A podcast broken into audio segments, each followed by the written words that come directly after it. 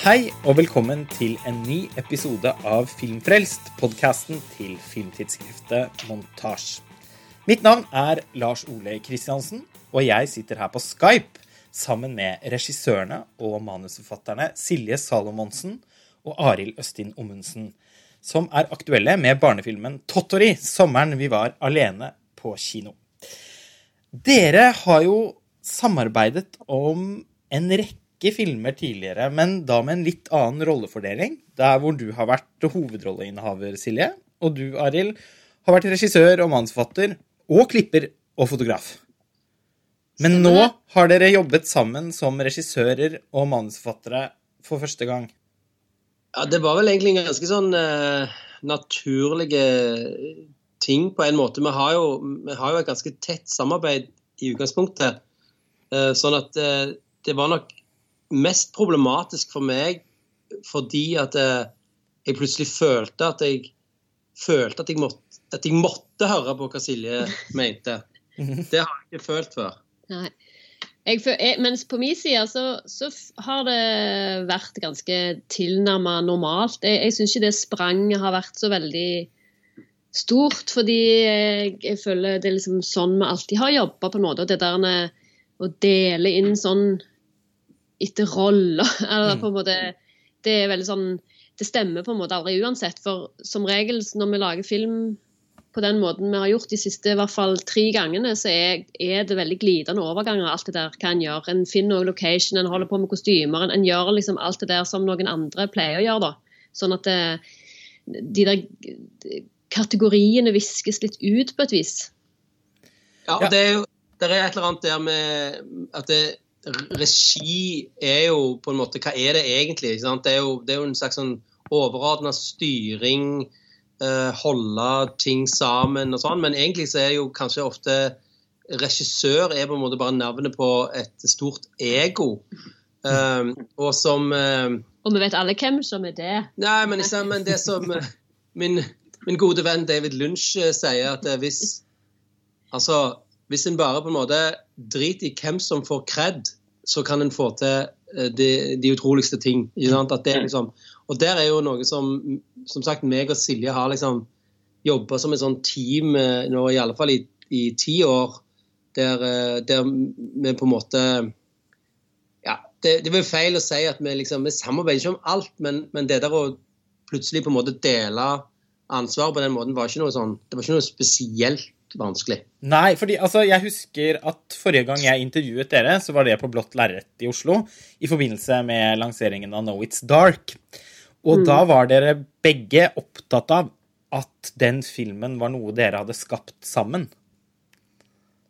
Ja, jeg, jeg tenker at det, det, er nok en videreføring av det vi holdt på med der, ja. At det på en måte Regien og alle tingene vi gjør altså, i og med at vi bare stort sett er to stykk på, på sett, så, så, må på en måte alle forberedelsene gjøres eh, i forkant. Og regien, du må vite hva du skal gjøre når du går ut. Eh, og dermed så, så blir det lett for meg da på Now Stark å ta, å ta de skuespillerregien, og Arild er bak kamera og, og, sånn. Og det var på en måte en slags forlengelse av det vi holdt på med nå òg, at, at at uh, vi gjør forberedelsene, vi går ut, og der må de jo, i og med at de skuespillerne denne gangen var fire og åtte år, så må de i hvert fall holdes litt hardt i ørene, på en måte. Mm. Så det ble på en måte inndelingen at, at jeg da gjorde det på sett, men òg at Arild kunne gjøre det når han var nærmest. Han er jo som regel alltid nærmest de med kamera, så det er jo veldig greit at han får lov altså, det, det sånn, Da må det ikke være sånn at nei, fotografen får ikke lov å gi regi. Det går ikke. Altså, de der, det der må bare på en måte hives vekk. Deres egne barn spiller jo hovedrollene her. Og jeg lurer litt på hvordan det var å jobbe med dem. Altså, var det skuespillerinstruksjon i det vi kan liksom kalle tradisjonell forstand? Eh, selv om det er litt underlig å si. Eller var det mer sånn at dere la til rette for situasjoner og lot dem improvisere eh, med utgangspunkt i de egenskapene de har som mennesker, som dere jo da kjenner så innmari godt. Eh, resultatet er i hvert fall veldig, et veldig naturalistisk uttrykk. En spillestil, eh, litt sånn avslepen spillestil. Det er eh, sjelden å se i norsk barnefilm, vil jeg påstå. Ja, jeg Altså, det med skuespill og instruksjon av skuespill og det er jo noe som opptar oss veldig, og det er ting vi alltid snakker om. Og hva er bra spill, og hva er ikke bra spill. Det er jo òg veldig smak og behag. Uh, og det er noe vi diskuterer mye og snakker om mye, og det, det går langt tilbake i tid, dette her fra på en måte Mongoland-tida, der vi alle som spilte i den filmen, fikk høre at uh, det er veldig bra spill, men de spiller jo bare seg sjøl. Ja. Og i den tida var det en litt sånn Husker jeg at vi foran kamera der reagerte litt på det, men, men tok det som, en, som, et kompliment med at ok, men hvis de tror at vi spiller oss sjøl, da har vi jo overbevist de. Da, mm. da, er det jo så naturalistisk at de tror at vi er disse folka. Mm. Eh, men jeg mener jo det at med en gang du har et kamera foran fjeset, så, så er du så er du på en måte på jobb. Eller da, der, da skjer det et eller annet der. Men vi ville jo virkelig gjerne tilstrebe det der ekte naturalistiske spillet, som jeg er veldig glad i, i hvert fall. Og jeg vil påstå Arild òg det. Ja, og sånn sett er det ikke noen særlig stor forskjell i måten å jobbe på. Altså, og det, det, er litt sånn Det med improvisasjon er jo litt sånn Det er jo ikke, det er ikke, noe, det er ikke noe improvisasjon foran kamera i den forstand at det, at en på en måte finner på ting som vi filmer der og da.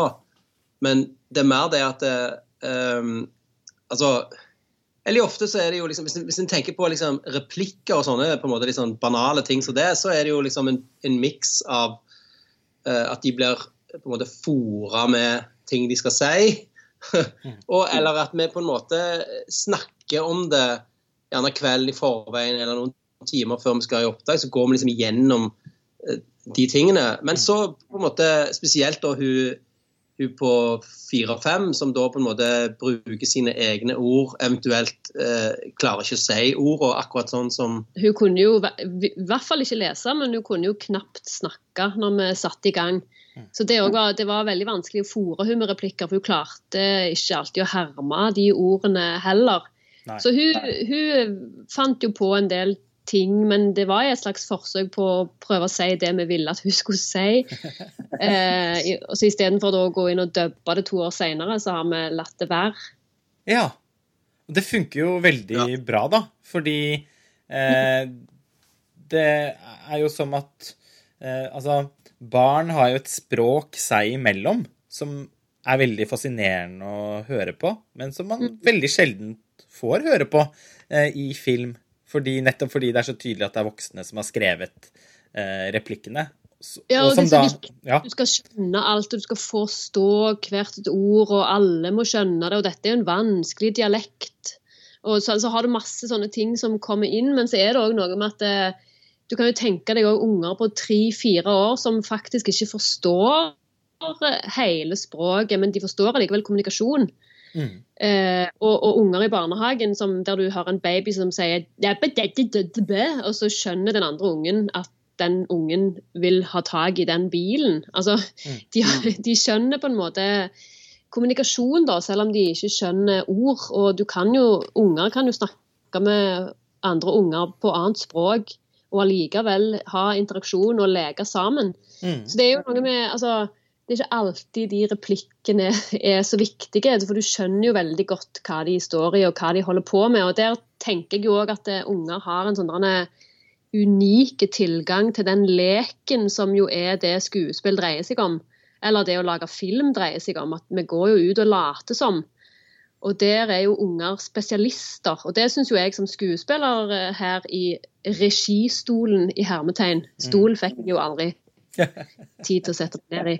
Men, eh, men, det å se hvordan de tilnærmer seg det, er utrolig fascinerende. For hun minste blir bare helt sånn geniale i det hun glemmer seg sjøl og bare er i leken og er i den historien vi har dikta opp, mens hun andre har en helt annen inngang fordi hun er litt mer hun er eldre, hun er litt mer selvbevisst, hun vet hva vi holder på med. Så hun har på en måte en annen inngang inn i den samme legen, da. Men, men, men når de er på på samme bølgelengde der, så er, det, så er de jo veldig naturlige. Selv om de både sier replikker, og de følger manus, og de gjør det scenen, den scenen vi har snakket om på forhånd. Ja, og det var jo noen, noen ganger litt sånn på grensen til urovekkende for meg å oppleve. F.eks.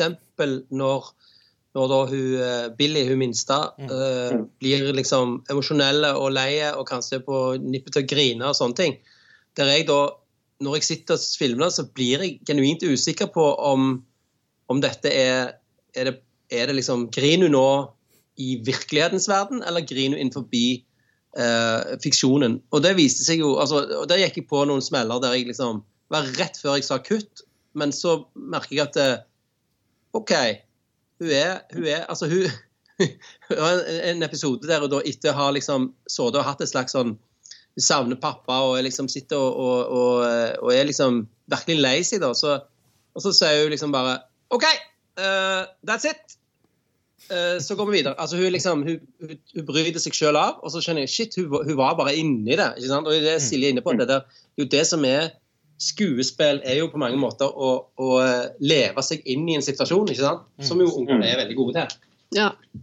Altså, apropos barns språk, tittelen Tottori, altså, mm. den må jo nødvendigvis være en homasj til Hayao Miyazakis eh, ikoniske eh, Min nabo Totoro, som jo også handler om to små søsken som har en syk mor, og som utforsker skogen eh, på, på egen hånd. Hvordan var det Altså, fortellingen og, og etter hvert sikkert tittelen ble til? Ja, det, det, der eh, kom eh, litt sånn inn eh, bakveien, fordi at eh, Billy på fire hadde aldri sett min nabo Totoro i det hele tatt.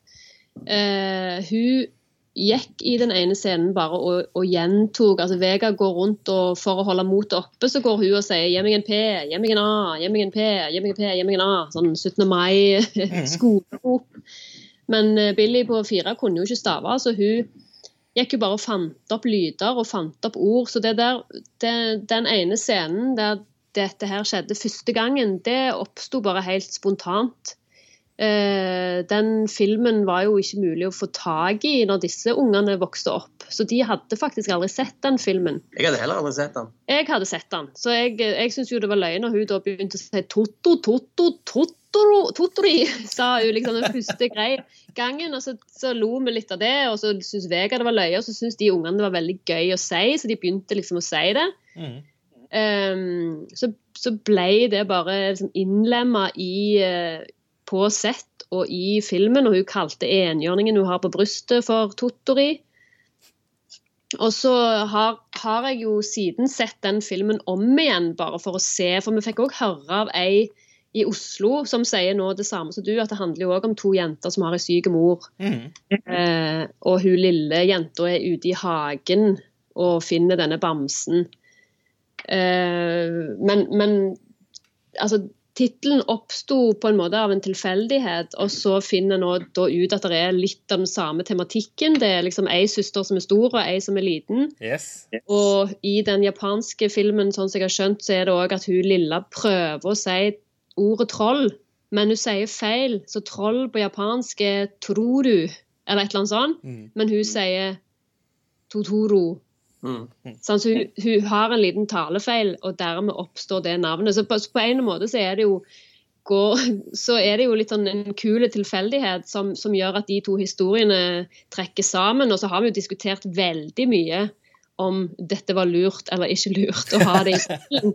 Og om det blir for dumt. Og mange syns det var for dumt, og noen syns det var helt idiotisk, og noen syns det var kult. Men jeg tenker at det er et, det er et nikk til en, en, en, en, kvalitetsfilm som er noe å strekke seg etter, som er jo det vi gjerne ville få til, var jo å få til en kvalitetsfilm for unger som vi syns har mangla i norsk kinofilm. Ja, for det, det, bare sånn, det Apropos for det, det som er litt uh, fint, da, at for dette er jo litt sånn rare, merkelige sammentreff og litt sånn synkronisitet på gang. Det som er fint, er jo at vi har jo lagd en film som handler om akkurat det, nemlig Now It's Dark. Så denne sammenhengene som oppstår der, det, hvis folk er interessert i sånne ting, så skal de bare gå på iTunes og så se Now It's Dark, og så vil alt uh, henge på greip. Da vil alt bli klart som blekk. Yes. Eh, altså, Apropos det siste du sa, Silje, så er jo originalskrevet norsk barnefilm ikke noe som vokser på trær. Det vet jo eh, du godt, Arild, som selv har bidratt til franchisen Knerten, med Knerten i knipe. Eh, var det noe av motivasjonen for å lage nettopp en barnefilm? At dere personlig som foreldre eh, til barn i, i, i målgruppen for eh, filmer som ja, Karsten og Petra, Brillebjørn eh, Knerten eh, Selvfølgelig er jo de filmene av en, av en av høyere kunstnerisk kvalitet enn en Brillebjørn og, eh, og Karsten og Petra, så jeg skal ikke bli for generell når jeg nå eh, forsøksvis subtilt, men sikkert eh, veldig overtydelig eh, avslører at jeg nok ikke har vært så imponert over mye norsk eh, barnefilm de siste årene. Nei. Altså, der er det jo altså, der er på en måte en slags ond sirkel i det. fordi at det, det viser seg jo at eh, folk er ikke så interessert i ting som de ikke vet hva er. Og det vet eh, eh, produsenter. ikke sant? Så Derfor så gir de dem noe som de allerede vet hva er. Og så, og så blir det en sånn der runddans at ingen tør å bryte ut av det systemet. ikke sant? Nei. Og, og de som har forsøkt, det er jo det er ikke til å stikke noen stol at det, f.eks. de som holder til oppe i Lillehammer, det er, er det Filmbind. Ja. Mm. De har jo eh, lagd noen e altså originalskrevne barnefilmer som har holdt eh, en høy kvalitet, men det er færre folk som går og ser de filmene fordi eh, verken mor eller bestemor har hørt om det før. Så Mye av det er jo det. Men så er det jo det andre òg, at enkelte eh, kanskje altså, eh, Det kan gjelde, det er ikke bare norske filmer, det, men det, altså at det blir litt sånn samlebåndspreg eh, på, på produksjonen, da. ikke sant? Mm. Så, så eh, det er helt klart at det er noe vi har snakket om i, i forhold til at vi rett og slett bare noen ganger har bare liksom krangla om hvem som skulle slippe å gå på kino med ungene. ikke sant? Og det er jo ikke fint. Ja, for vi liker jo generelt å gå på kino, og, ha, og lengter jo alltid. Og det er jo alltid veldig stress å finne den filmen som passer for både hun på fem og hun på åtte. sant? Mm. Og som jeg, jeg har lyst til å se. Og det, Da havner en jo ofte på de der japanske animasjonstingene. Animasjonsfilm. Mm. Eh, og så, så er det noen sånne sjeldne perler innimellom. Stand by me, og der er liksom, sant? men de er ofte på engelsk. og så Måtte helt tilbake i 1986. Ja, jeg skulle til å si det. Stand by me, det var lenge siden. Ja. Jo, ja, men det er jo andre òg. Det er jo Troop Zero, og det er, altså, det er mange kule barnefilmer der ute. Det er der. Men, men eh, Norge har gått gjerne liksom feil vei, da, syns jeg. Og, og, og på en måte Det gjør jo òg at du ikke utdanner publikummet, kinopublikummet til å, til å velge de andre tingene. Du utdanner de bare til å gå og se det som alle andre går og ser. Og, og det var jo noe med det òg, at en, en vil lage noe som du har lyst til å vise ungene dine, og som de, de gjerne kan vokse litt opp med og opp og inn i, og som kan starte samtaler og gjøre at filmen gjerne varer litt lenger enn bare den der popkornboksen, og så er det ferdig. Mm. Hva skal vi gjøre nå? Hva skal vi gjøre nå?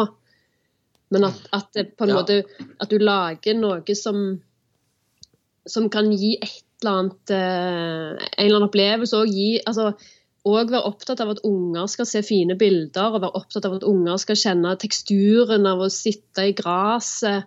Eh, ofte så er jo barnefilm, og det skjønner jeg jo enormt godt, det er sykt vanskelig å få unger til å gjøre den samme tingen to ganger. Så jeg skjønner veldig godt at du på en stor produksjon velger å bare ha et nærbilde av ungen der du får en eller annen reaksjon, og så klipper du egentlig til at de voksne får ta seg av scenen og ta seg av framdriften i historien, og så, og så blir ungene en slags sånn eh, marionette på, på sida der. For det er jo sykt vanskelig å få det til, men, men, men det er jo bare hvor en legger fokuset, da. Ja, og det er jo på en måte Det er jo litt sånn, eh, litt sånn igjen sammentreff på et eller annet vis at det, det var jo nettopp under opptak på Knerten i knipe at jeg bestemte meg for å begynne å jobbe eh, på en helt annen måte. Altså Sånn som vi gjorde med, først med Eventyrland. Ja, fordi var- den markerer et skifte i deres eh, liksom felles filmografi her, opplever jeg også. Ja. At den, den bærer preg av å være laget på en annen måte. Ja, fordi altså, igjen, altså, Det å lage 'Knerten i knipe' for meg var jo Det var, ikke, det var en fin opplevelse, det, og, og, og alt det der, men, men jeg hadde jo, der hadde jeg et kjempestort crew, noe som gjorde at uh, ting altså Ting går veldig seint når 40 mann skal bevege seg. ikke sant? Mm. Og det gikk utover Spesielt uh, så var det ganger der på den filmen der jeg tenkte at uh, hvis vi hadde vært litt raskere nå, så kunne vi fange ting som de ungene holder på med, istedenfor at de må, de må hele veien vente på teknikken og dermed gå leie, bli trøtte, miste fokus. Altså, altså det å på en måte være altså, det, det kunne, Og det er jo ting som jeg da eh, som, som, absolutt voksne òg legger merke til. Altså, altså, voksne skuespillere er bare flinkere til å skjule frustrasjonen over det. Men sånn at på Eventyrland så begynte vi å jobbe på den måten der eh, skuespillerne er på en måte mer fri og, og er på en måte mer i kontroll. Det er de som bestemmer tempoet på innspillingen, og at fotografen er bare nødt til å være jævlig på. Sant? Og ikke få lov til å si sånn Nei, nei, nei, nei må vente, for nå skal jeg eh, rigge om denne lampen, eller sant?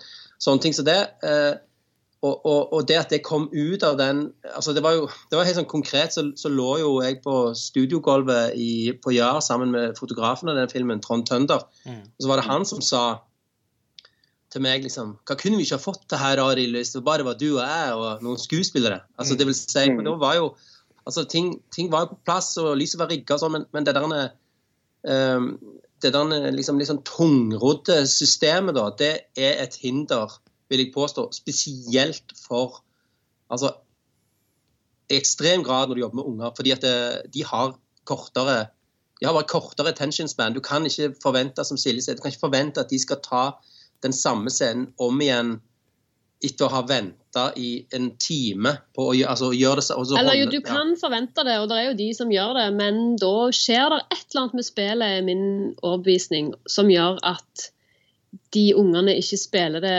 så bra som de kan når de får lov å være fri. Og det er jo akkurat det samme med voksne skuespillere. at hvis du altså er, Uansett hvor flink skådis du er, det er et eller annet som som, som en får ekstra av å gi den friheten foran kamera. Eh, og, og, det er jo det en opp, vil oppnå på et sett, er jo å, å, oppnå den friheten som gjør at skuespillere slipper seg løs, skuespillere tør å, å, å by på ting og, og liksom Ja, nå roter jeg meg litt vekk, men, men, men det, å, det å få til en frihet innenfor de rammene du har, Eh, og det er jo det, det drar Joner-historien med Vi har jo Joneren med i en liten statistrolle her. Ja. Og han mener jo Kommer jo tilbake og sier at det er mye mer Det ligner mye mer å spille i Tottori og Mission Impossible enn alt in between, på en måte. Eh, de er bare i helt vidt forskjellige ender av skalaen, men det er akkurat det samme at når han kommer på Mission Impossible-settet, så så er det bare fotograf og regissør og han og Tom Cruise inne i et rom. De, har, de kan bevege seg fritt, de kan holde på, eh, bare spille scenen, altså være til stede. For rommet er rigga for 50 milliarder fra før. Sant? Og alle kameravinkler er tatt, og alt er liksom på stell. Mens vi da er på andre sida av skalaen, men det er akkurat det samme. Han kommer på jobb, og han er bare i spill. Det er bare det det dreier seg om. og Arild springer ræva av seg rundt for å være dekka inn på en måte deres eh, eh, valg foran kamera. Sant? Så det, det, det, er to ytterpunkter, men det er likevel den samme friheten. Ja, for jeg tenker jo at de virkelig gode barnefilmene, det er jo ikke de eh, som har situasjoner skåret ut i papp av, av uh, voksne, som eksempel uh, dette veldig livsfattige Karsten og Petra-multiverset. Eh, men en, ta for eksempel Lasse Hallstrøms uh, 'Alle vi barn i Bullebyen'-filmer, da. Som jeg syns er mm. helt magiske, fordi det er som om kameraet nesten ikke har vært til stede. Altså, mm. eh, det er som om noen bare har fanget bevegelsen mens den oppsto. Uh, ja. Uh, og det fins jo andre eksempler på det også. Altså barndomsscenen i Terence Malicks The Tree of Life, liksom. Eh, Mm. Selv om det på ingen måte er noen barnefilm. Men eh, av og til så syns jeg det er veldig underlig at det nettopp er noe sånn Det er litt sånn eh, distinkt teatrale som, får en, som gis en slags forrang i, i, i barnefilmen.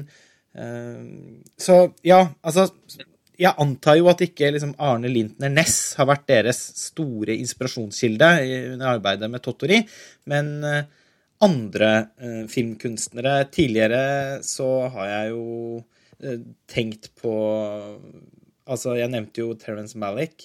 Det opplevde jeg som en referanse da jeg så Eventyrland.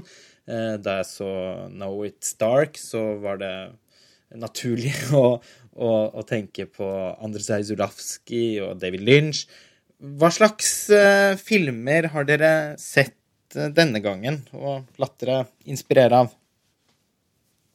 Altså, vi har vel på mange måter Vi har hatt, det, vi har hatt en sånn litt sånn abstrakte ting, men som allikevel er Altså, vi har hatt en sånn en sånn idé om en svensk barnefilm fra 70-tallet som, som ikke er Hugo og eh, Som ikke er lagd ennå. Nei, nei. Nei. En slags en sånn, men som jo jeg på mange måter er et slags sånn konglomerat av eh, eh, Thin Red Line òg som ja, research. ja, sant. Det, ja, det kan jeg komme til. Men, men altså sånn type eh, Mitt liv som hund, Stand by me, eh, Pippi altså, men sånn Som ikke er liksom det, det er ikke veldig konkret. Det er bare en sånn Man har lyst til å lage en film som, som er på en måte på, på unger, nede på ungene sine nivå, da, og genuint handler om de. Men så er det helt klart, som Silje sier, altså, Thin Red Line var, var, var på en eller annen måte en inspirasjon. fordi altså, sånn i forhold til at ok, Thin Red Line er en film som eh, Det er en slags form for krigsfilm, men samtidig så er han veldig eh, den, ligger, den ligger nede i jungelen der og, og, og, er i, og, og er opptatt av gresset og, og hvor de er, ikke sant? Mm. Eh, og, og, så- og, og liksom Kanskje òg liksom voiceoveren i både den og i Badlands og ikke minst kanskje Days of Heaven har jo vært sånn eh, Ikke sånn direkte at vi har sittet og nisett på det, men, men, men en slags sånn Det landskapet der har vi jo eh, ja, helt klart blitt inspirert av, da. Ja. sant? Men òg det der med, med Altså, for Kan si hva du vil om Karsten og Petra, men ungene elsker jo Karsten og Petra, men i en veldig kort periode. Ja. sant?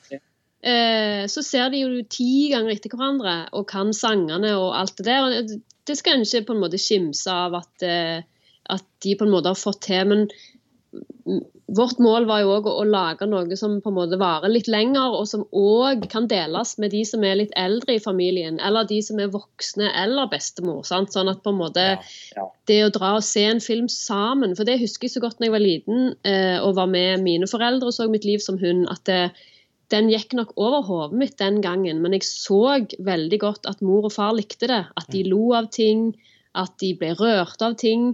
Og det tar jo en, et barn med seg i sitt indre, på en måte, og, og bærer med seg den opplevelsen og den følelsen, selv om du kanskje ikke har ord til å, til å snakke om det på, på den måten når du vokser opp, så, så bærer du det med deg, og, du, og det blir din kvalitet og det blir din referanse fordi at det er det du vokser opp i. Det er jo akkurat som alle foreldre påvirker ungene sine med hva de presenterer dem for. sant?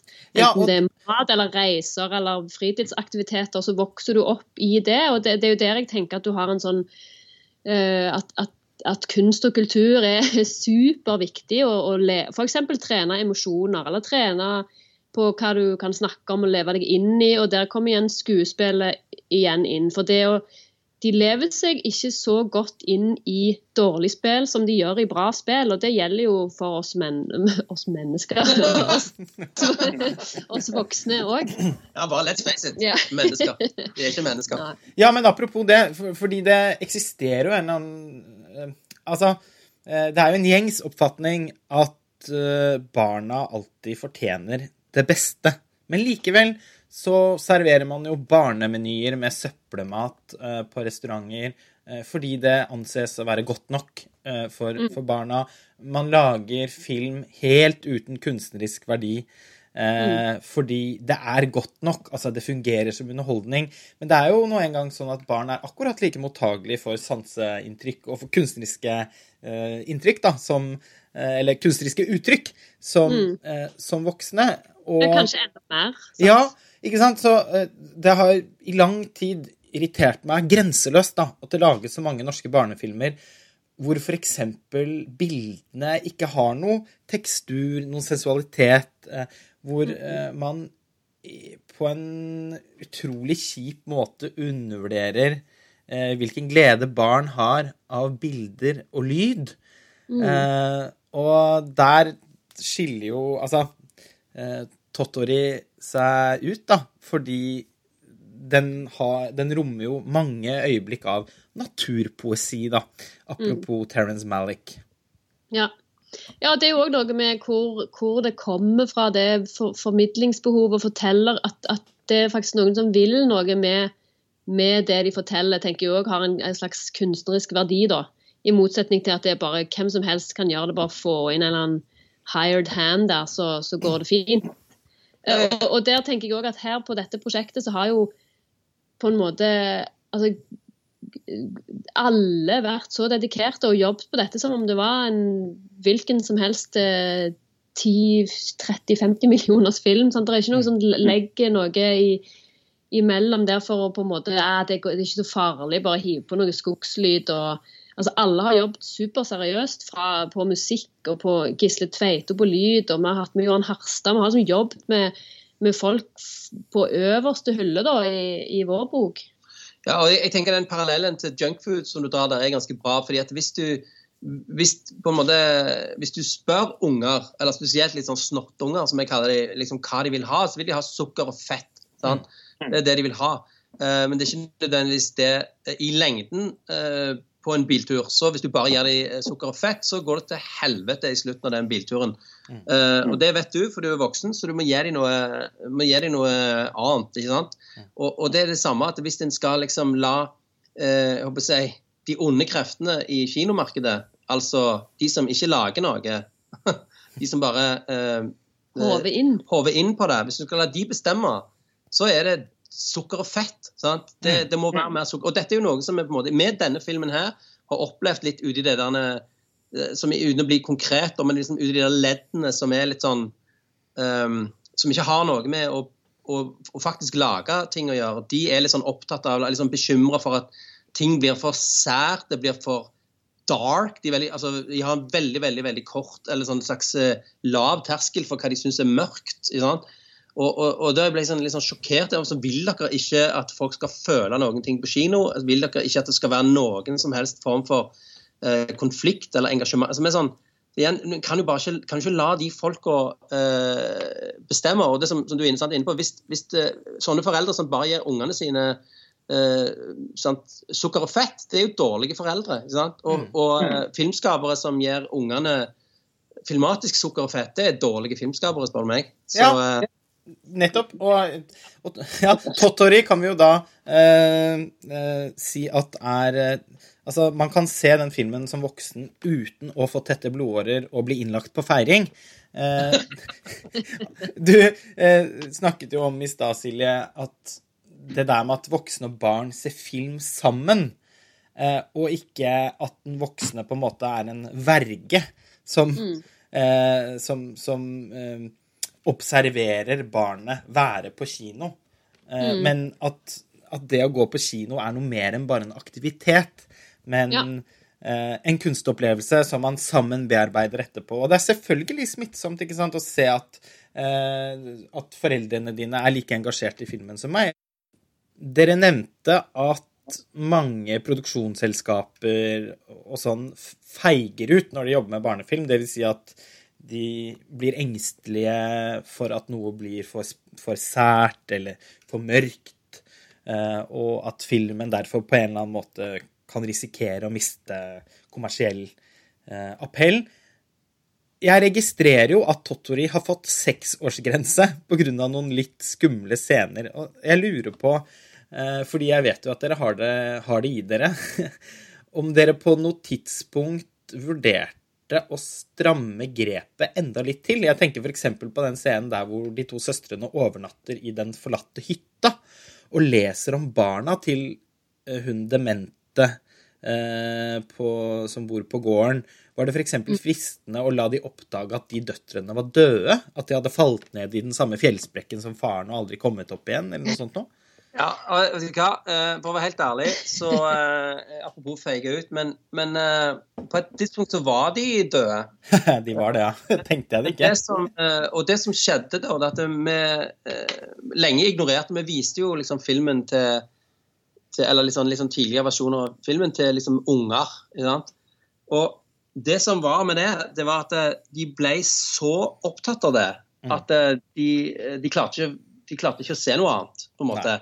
Og det var litt sånn overraskende, for det var, det var ikke noe, vi la ikke noe stor vekt på det. Det ble egentlig bare nevnt i en setning allerede tidlig i filmen. Når, når, når de går forbi gården til hun gamle dama, så, så sa faren at eh, Nei, de, eh, de, de, er de døde, ikke sant? Mm.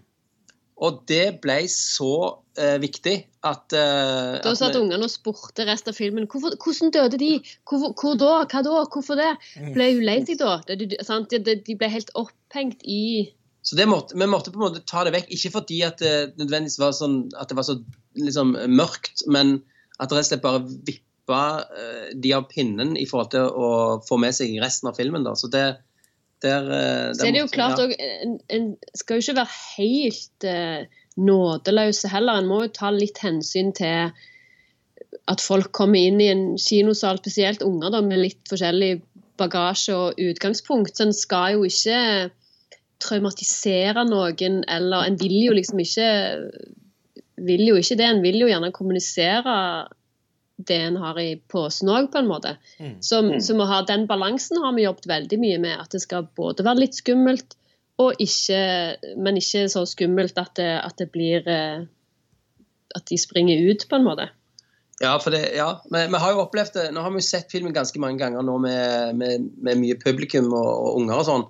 Og det, det er jo en enorm glede å se hvor mye ungene føler, men det er òg litt sånn overraskende hvor sterkt de føler. Altså, og, og en, en ting som går igjen, er at de eh, som har opplevd flere ganger, det er at det, når altså spoiler alert, når de til slutt klarer å redde pappaen, så er det sånn lettelse i rommet at uh, ungene begynner å grine. I, I begynnelsen så lurte vi på om det var noe galt på en måte med filmen. Sant? Fordi Hvorfor begynner de å grine når det går bra? Men da, da etter litt sånn De begynner å gråte fordi at filmen er slutt. De skjønner at nå Ja, ja. er det Jo, bare noen minutter igjen. Men, men, men en- noen av de har satt også ord på det som at eh, de var, altså, de var så letta. Ikke sant? Ja. At, at, eh, og det er jo liksom Det er jo super, super kult. Og det er jo igjen det som Mary Pickford sa i sin tid, at det gå på kino er liksom emosjonell trening. Du skal liksom pushe de over grinekanten, og så skal du få de til å le. og så skal du, Dermed så trener du opp liksom det å føle, det å snakke om følelser, og det å reflektere over ting du har sett eller opplevd. Og det er jo liksom noe en trenger å lære. Mm. Ja, ja. ja, og det er jo noe vi gjør mye. Snakke om følelser. Ja, men altså, hvordan snakk... Altså, jeg er jo interessert i å høre litt mer om hvordan denne historien ble til. Den er jo egentlig litt sånn high concept. Altså, det er et, et rammeverk her med eh, en mor som er syk, og en far som derfor skal eh, ta med barna ut i naturen for å på en måte eh, Ja, som en slags virkelighetsflukt innad i fiksjonen. Og så tar det jo ikke så lang tid før han detter ned eh, i, i det hullet i fjellet, og døtrene er nødt til å, å finne tilbake til veien som, som de gikk i utgangspunktet, og, og få hjelp. Og det er naturligvis ikke så veldig enkelt når, eh, når man er eh, barn og heller ikke har eh, på en måte vært forberedt på å skulle følge med på veien, sånn i utgangspunktet. Mm. Var, var barna involvert i eh, hvordan dere i, liksom, I arbeidet med å skape fortellingen, eller? Ja, på et vis. altså det, det begynte som, Dette begynte eh, Egentlig så begynte det i klipperommet her når jeg var i ferd med å gjøre eh, klippa ferdig Now It's Dark, som jo var på en måte alt annet enn enkel å forklare handlingen. altså Det er en ganske komplisert eh, film, for å si det mildt. Mm. Eh, og, og da var det litt sånn, Jeg satt faktisk og, og mailte med David Skaufjord, som eh, en av skuespillerne i den filmen. og så Og så var han litt sånn Du må komme deg opp på hesten, Arild. Du, eh, du må sette i gang med noe nå før, eh, nå, før du er helt ferdig, sånn at du ikke går inn i en depresjon. Og da, og da, liksom, da datt det liksom bokstavelig talt eh, ned i hodet meg den liksom super, super, super enkle ideen om at to jenter eh, på tur, pappa ramler ned i et hull, hva skjer? Og så jobba jeg alene med det en stund, og, og sånn. Men så så begynte jeg å, eller med å involvere altså selvfølgelig involvere, altså alene, altså Jeg involverer selvfølgelig Silje i alt. Jeg, jeg snakker om alt som jeg tenker eh, til enhver tid. Men så begynte vi å uh, involvere uh, Vega, altså hun største, i det.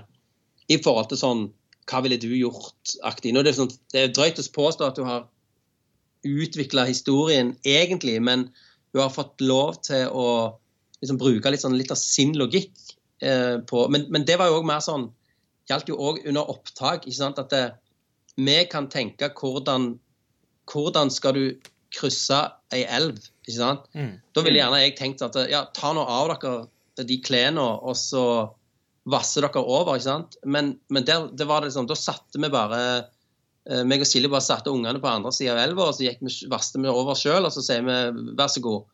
Mm. Og da, da, bare trasker de rett uti, og de er opptatt av helt andre ting. De er opptatt av f.eks. at det er liksom ekkelt i bunnen av den elva. Altså, og det er jo liksom, På den måten så har jo de i, i sånne situasjoner, i måten de liksom forholder seg til det, har jo de absolutt eh, bidratt med konsulentvirksomhet i forhold til hvordan barn opptrer. ikke sant? Mm. Og det er jo det at liksom unger har en sånn De kan gjerne synes det er skummelt uh, å være alene, f.eks. Men plutselig så kan de vippe over i at uh, Oi, shit, der var det en sommerfugl. Oh, wow, der er det en gjøk. Og så blir de liksom distrahert. ikke sant? Og det er litt sånn, jeg tenker på um, ja, En av de tingene som liksom, det har vært litt sånn skepsis uh, for i forhold til denne filmen, det er å ha titlen, eller ha ordet 'alene' i undertittelen. Mm. Uh, fordi at uh, noen har meint at det er for dark. ikke sant? Som er liksom absurd, spesielt når du tenker på at eh, den mest sette komedien gjennom tidene heter 'Hjemme alene'. Ja. Eh, og ikke da, minst en film som er høyt elsket av alle barn. Av alle barn. Det, men det som er, eh, jeg så nettopp et sånt intervju med, med, Chris Columbus, tror jeg det var, eh, som snakket om det. snakket om den titlen, så sier han liksom Det som er så genialt med den tittelen, 'Hjemme alene', altså, er at det, det er både Eh, det skumleste en unge kan tenke seg, men det er òg det gøyeste en unge kan tenke seg. Ja. Og det er litt sånn på en måte noe som, som vi har, har, har liksom tenkt på i forhold til denne historien vår òg. For foreldre så er det helt grusomt å tenke på at ungene dine er lost på vidda. Og det er en kjip situasjon for de òg, men unger har en, sånn, de har en egen evne til å være til stede her og nå, da, som gjør at de òg kan Sant? At de kan sette pris på de gøye tingene som skjer, og at de kan snu på det og tenke at vi er helt alene. Så gøy. Ja, eh, det er veldig sant. Og det kan man jo merke i, i Tottori også, at uh, de to søstrene har jo også masse Altså, de har det jo også gøy når de er der på egen hånd. Innimellom eh, alle bekymringene. Ja. Mm. Apropos de Chris Columbus-filmene, altså Hjemme alene 1 og 2 og og Mrs. Doubtfire. Jeg har hatt gjensyn med alle de tre filmene bare sånn i løpet av de par siste årene. Og de er så sinnssykt bra! De har mm. holdt seg så enormt bra. Eh, mm. Amerik altså, nå har vi jo eh, snakket eh, eh, norsk barnefilm fra de siste ti årene litt ned her. Eh, mm. Men det er ikke så mye varmt å si om amerikansk barnefilm fra de siste ti årene heller, om man ser bort fra Pixar sine animasjonsfilmer. Eh, det er jo eh, Altså, man kan se mange av de samme tendensene der også. Det, Absolutt.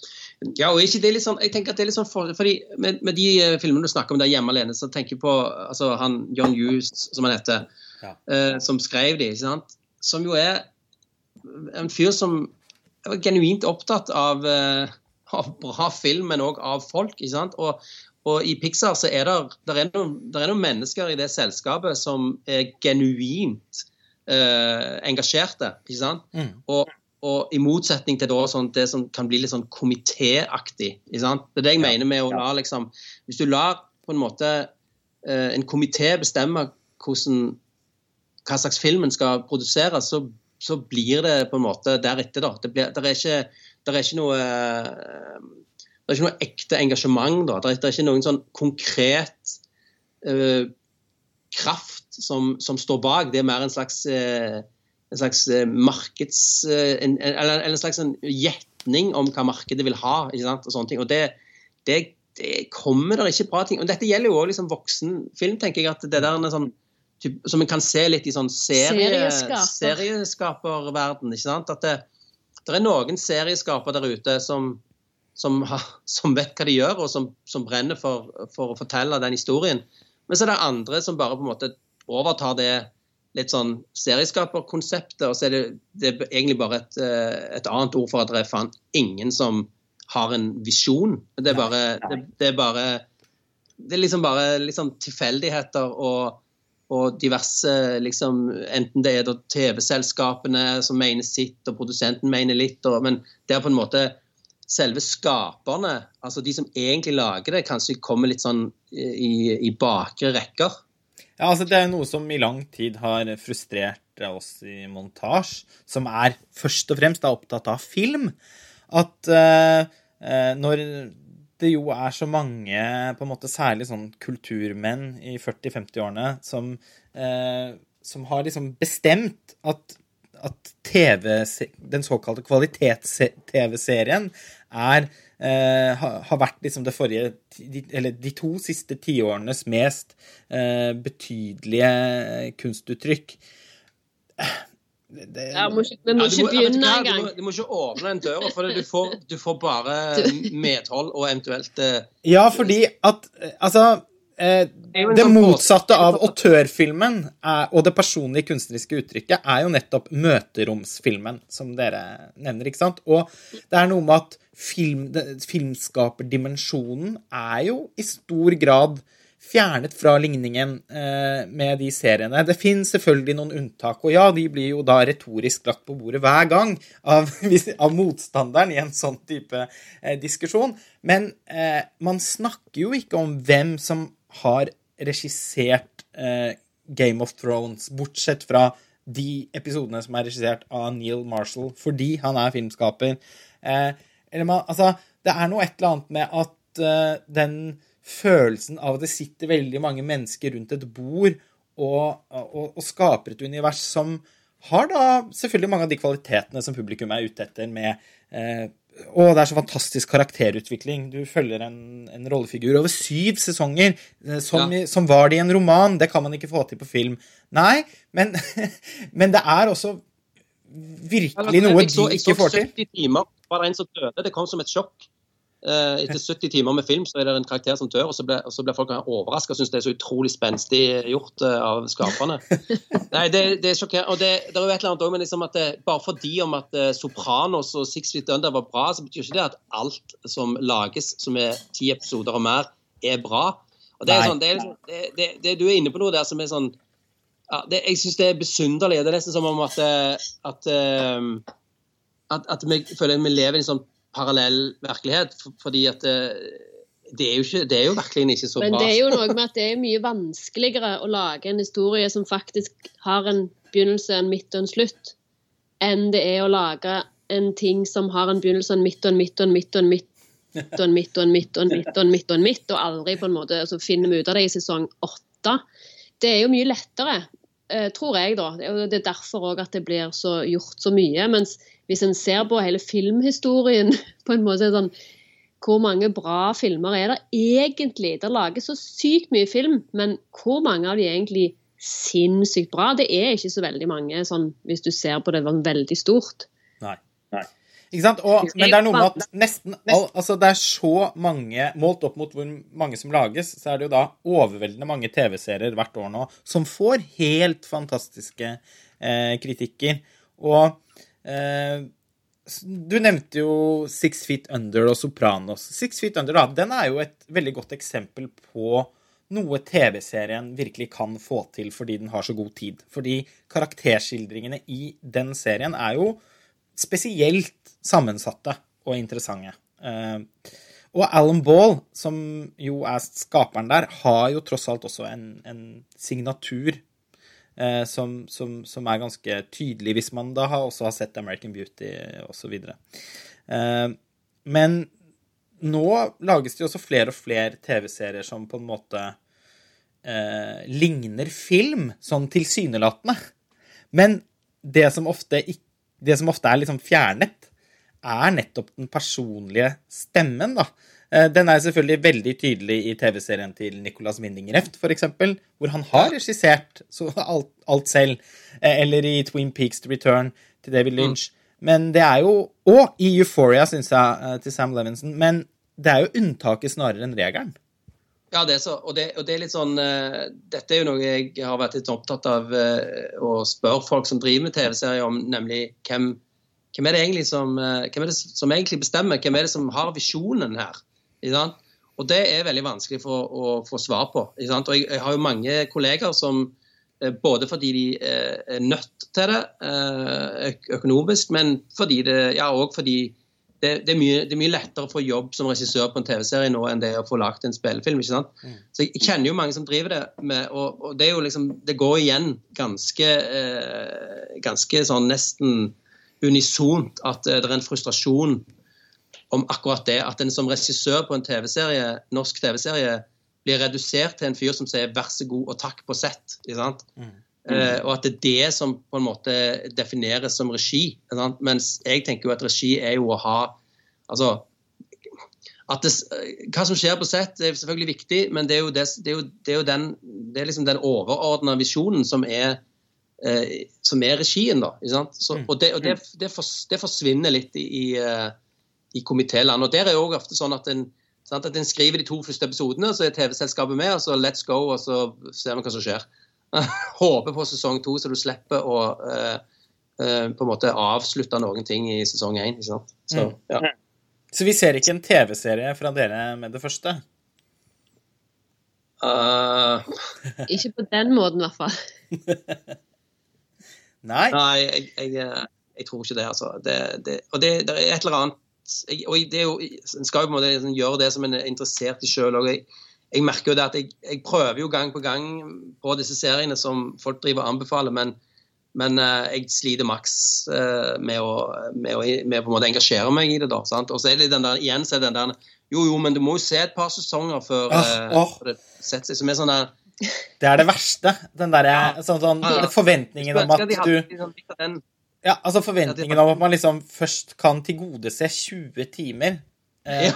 For så å liksom komme til indrefileten. Altså, hvis en film eh, er totalt intetsigende etter en time, så er jo filmen allerede liksom død. Ja, ja, ja. ja, ja. Du har ikke mer enn ti minutter. Og folk liksom, folk eh, orker ikke å gå på kino hvis filmen varer lenger enn en halv time, for da er det så langt. Men de sitter liksom hjemme og ser det er et veldig merkelig, veldig merkelig fenomen. Men, det men, men TV-seriegreiene minner jo på en måte om en slags form for psykose som folk går inn i. Som jo kan være fint. Og som jeg, altså, jeg har brukt det mange ganger. altså eh, Tidligere i, i, ungdommen, eh, eller yngre år, før jeg traff Silje og ble en lykkelig mann, så når jeg skreik, sleit, så kunne jeg jo på en måte dope meg sjøl på først da Cheers ja. og senere Friends. ikke sant? At du bare du går inn i en sånn der, du, du, kan se time til time. Det blir en slags erstatning for å ha et liv sjøl, og det blir en sånn, en sånn trygg venn. Litt sånn, sånn, og litt sånn, sånn Donald Duck. ikke sant? At det, du, du, kan stole på at det, Sam i baren Cheers han er den samme hver eneste episode. Han er ikke, han er ikke plutselig på en måte går på en smell og havner ned i et hull. ikke sant? Han, han er liksom, du kan, du kan eh, han er en fining. ikke sant?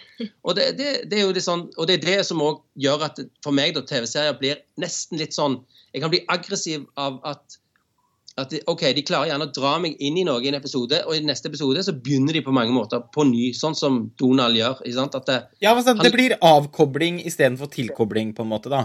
Absolutt. Ja. Og, du, og, du, krever ingenting. sant? Det krever ikke så mye. Og det skjønner jeg at folk på en måte ikke orker hjemme i sofaen. Men det er jo der jeg mener at eh, hvis en skal oppdra den neste generasjonen til å faktisk ville gå på kino, ja.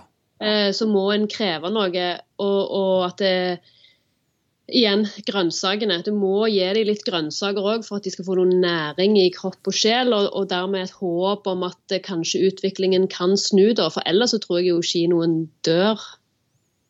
Ja, og så handler det jo også om å, å hegne litt om eh, de kvalitetene som tross alt fortsatt er spesifikke for filmen. Da. Det at filmen fortsatt er et såpass eh, et, et, kunstnerisk uttrykk som rommer så mye, og som oppleves som så fritt. I alle fall hvis man ser de filmene som vises på festival og sånn. Altså, jeg, jeg har fortsatt til gode å se en TV-serie som er like kompromissløs som en ny film av Gaspar Noé, på en måte. Mm. Eh, og så får likevel de Gaspar Noé-filmene terningkast tre, og så får en eller annen eh, shot reverse shot-drevet eh, dialogtung serie med fantastisk karakterutvikling terningkast seks. Og det òg er jo liksom noe som en må lære ungene, at de der terningkastene, de kan en bare drite i og henge seg opp i.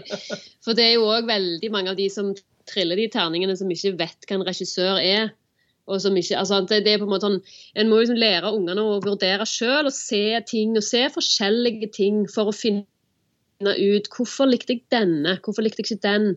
Hvorfor syns jeg hun skuespilleren er så bra, mens hun ikke altså, bli, Vær litt sånn interessert og, og, liksom åpen for å finne sin egen vei til det som en sjøl syns er kvalitet. da.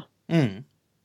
Avslutningsvis så tenker jeg at vi kan ha en litt sånn hyggelig prat eh, med et eh, positivt fokus.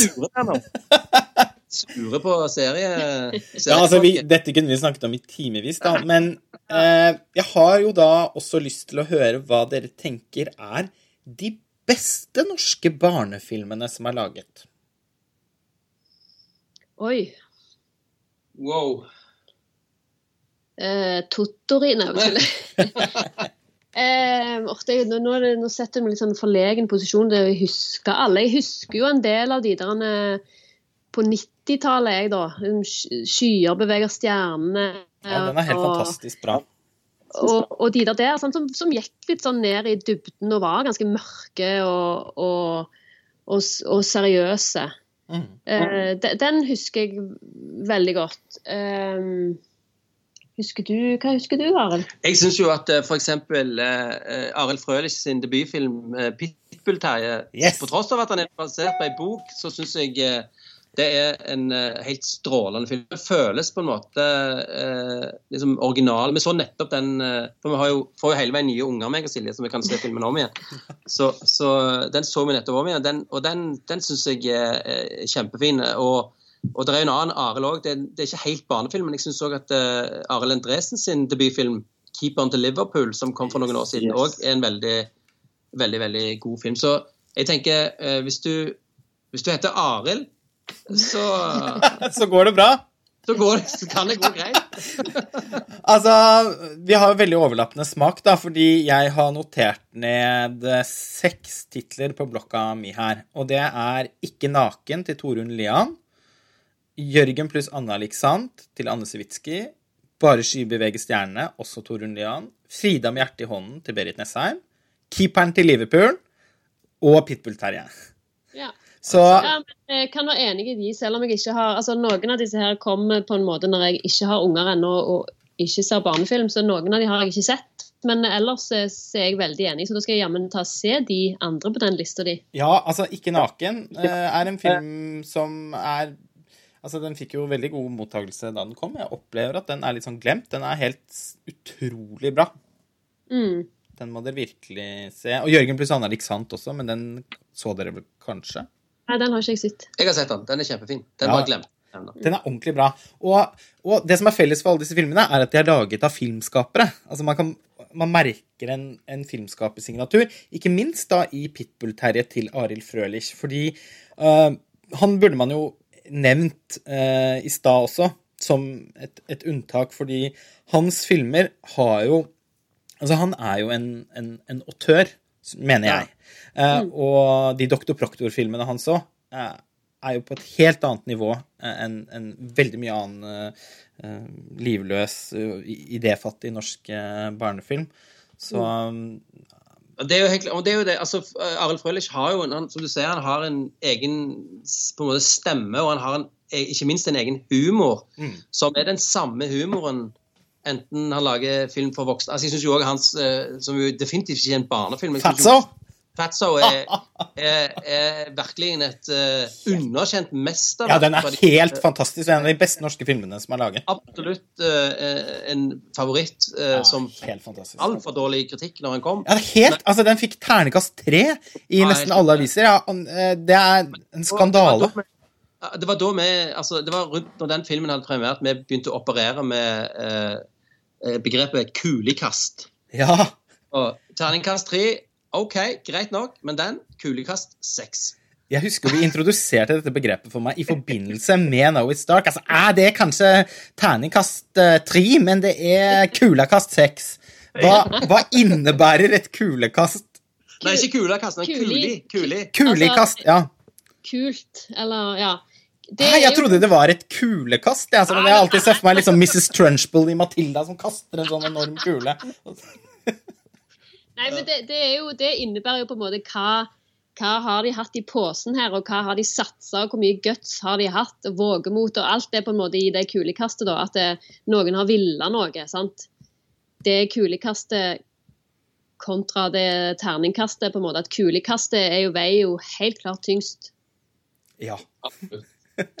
Og Fatso er et kjempebra eksempel. Det, er, det er virkelig en av de gangene jeg har blitt opprørt over en norsk films mottakelse. For jeg, det, er, det er en av de norske filmene jeg eh, ja, setter aller høyest, faktisk. Ser, bare Ja, ja. produksjonsdesign og bildekomposisjon og sånne filmen er helt uh, er Top notch. Ja, det er det, altså.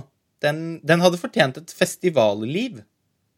Mm. Den ble nok kanskje egentlig lansert på en måte for kommersielt. Ikke eh, Misforstå meg rett, altså ikke som i at den ble satt opp på for mange kinoer. Og, så, men altså, den, den filmen burde kanskje hatt eh, et festivalliv i, i ryggen først. Kanskje det Nå husker jeg Mm. ikke helt om det var tilfellet eller ikke, men den, den, den reiste vel ikke så mye utenfor eh, den norske filmoffentligheten. ærlig talt ikke, eh, men eh, Nei, men, men igjen så tilbake til poenget der at, det sant, at, at Frølich da har en der er liksom en, Han har en humor som preger filmene hans, enten han lager den eller han lager Pitbull Terje for unger. Så, så lar han på en måte sin personlighet skinne gjennom, da. Eller den kommer gjennom fordi det er personlige filmer, på tross av at han ikke har skrevet Altså begge de to er jo basert på på bøker. Mm. Det er ikke hans, på en måte, men han, han gjør det om til, til noe som han formidler. Og Mm. det er tydelig, og det blir der,